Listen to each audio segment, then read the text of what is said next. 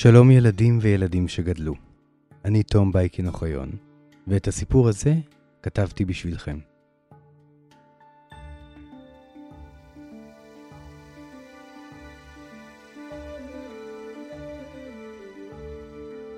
במסגרת העבודה על האגדות שלי, כל סיפור מגלה לי איך הוא רוצה שאספר אותו.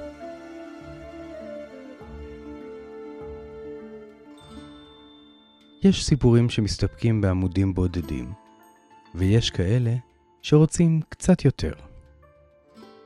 האגדה שלנו היום הייתה כל כך עשירה ומדהימה, שהיא הפכה להיות האגדה הכי ארוכה שכתבתי עד כה.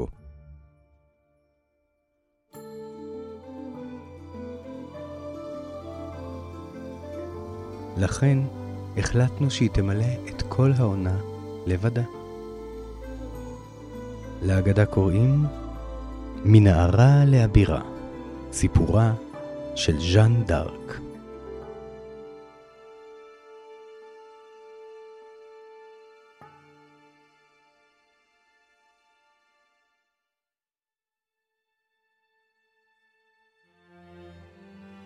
במאה ה-15, כאשר לצחצוח חרבות הפלדה ולשריקת החץ הנורא מקשת, הצטרף לראשונה הרעם הנורא של התותח, צרפת ואנגליה היו שרויות בעיצומה של המלחמה הארוכה ביותר בהיסטוריה.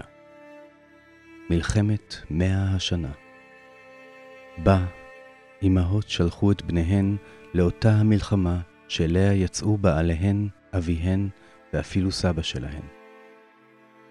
באותו זמן נולדה ז'אן, גיבורת סיפורנו, במחוז לורן, בכפר הצרפתי הקטן בעל השם המוזיקלי דום רמי.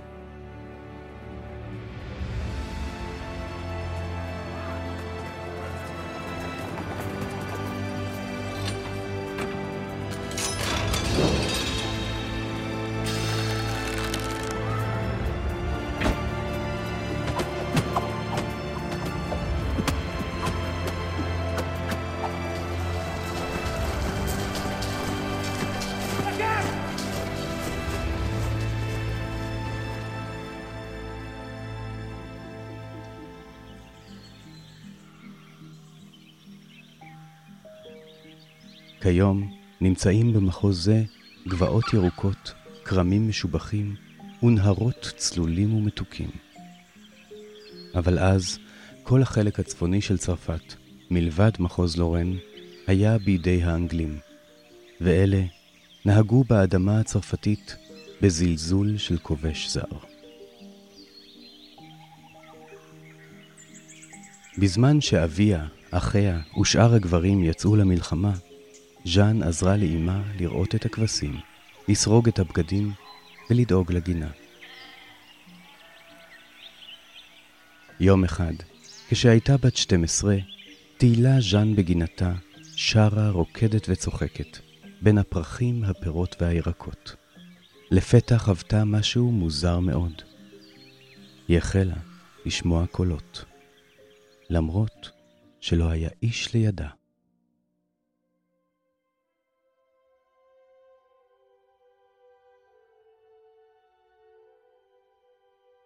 היום, כדי לפתור תעלומות שכאלה, אנחנו נוטים להשתמש בכלים השונים שהמדע מציע לנו, ובודקים את המוח והנפש של האדם כדי למצוא את התשובה.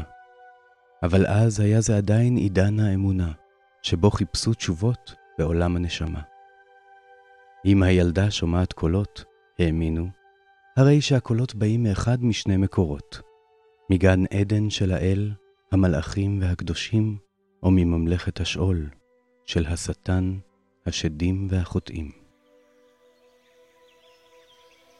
מכיוון שהיו אלה קולות צלולים ויפים, והם מילאו את ליבה בתחושה של טוב ואהבה, ז'אן האמינה שהיו אלה הקולות של שליחיו הקדושים של אלוהים.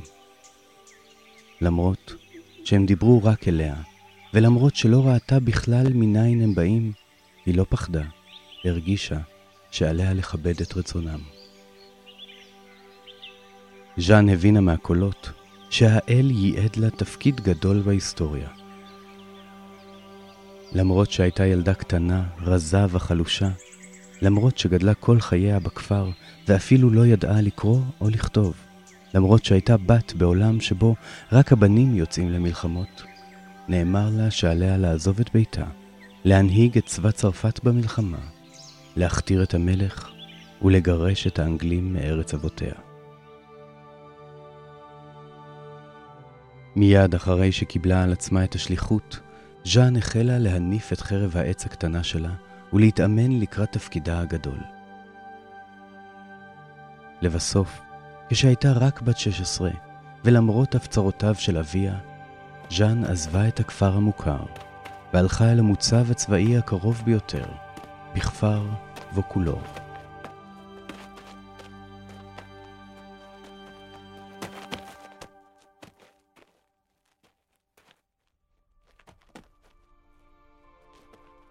מפקד המוצב לא התרשם מהנערה הצעירה שבאה לבקר אותו.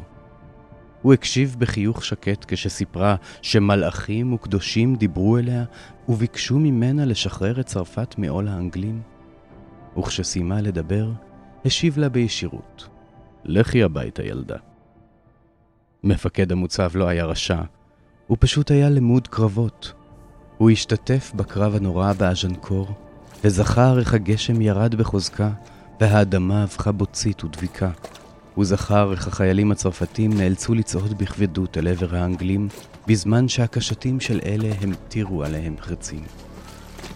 הקרב הזה היה הכישלון הגדול ביותר של הצרפתים במלחמה. אחריו, החיילים איבדו את רוח הלחימה.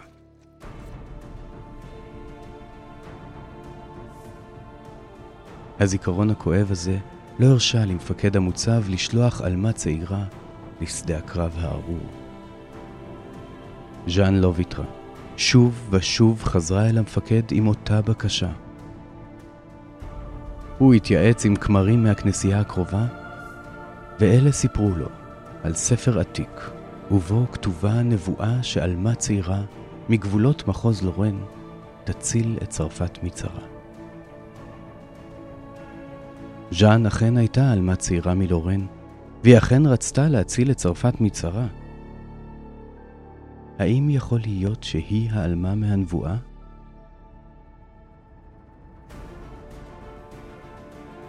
בכל פעם שז'אן חזרה אל מפקד המוצב בבקשה לצאת למלחמה, היא לוותה על ידי יותר ויותר אנשים מהכפר בסביבה.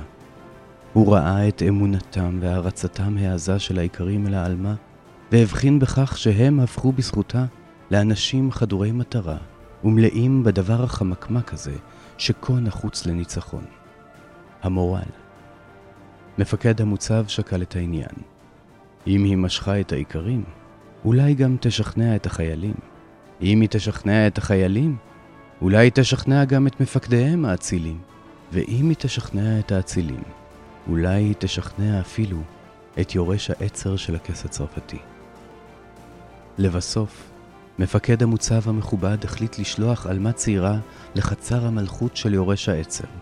הוא נתן בידיה סוס לרכוב עליו, בגדי חייל ללבוש בדרך, כמה חיילים למשמר, וכן מכתב המלצה רשמי, שבו התחייב בפני המלך שניצחון צרפת במלחמה טמון בליבה של עלמה צעירה זו. לה קרא בצירוף תואר משפחתה, ז'אן דארק, כדי לשוות לה מעמד מכובד. כיצד לוחם עז נתן את חסותו הרשמית לנערה צעירה שאינה יודעת אפילו קרוא וכתוב? זה רק אחד מהדברים המופלאים הקשורים בסיפורה של העלמה מדום רמי.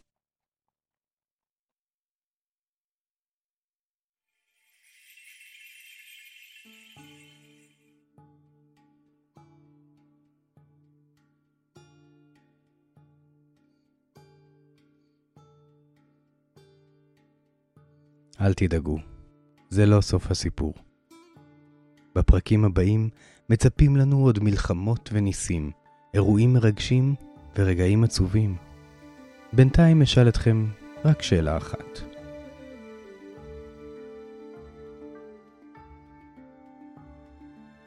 מה אתם הייתם עושים אם פתאום הייתם שומעים קולות של מלאכים?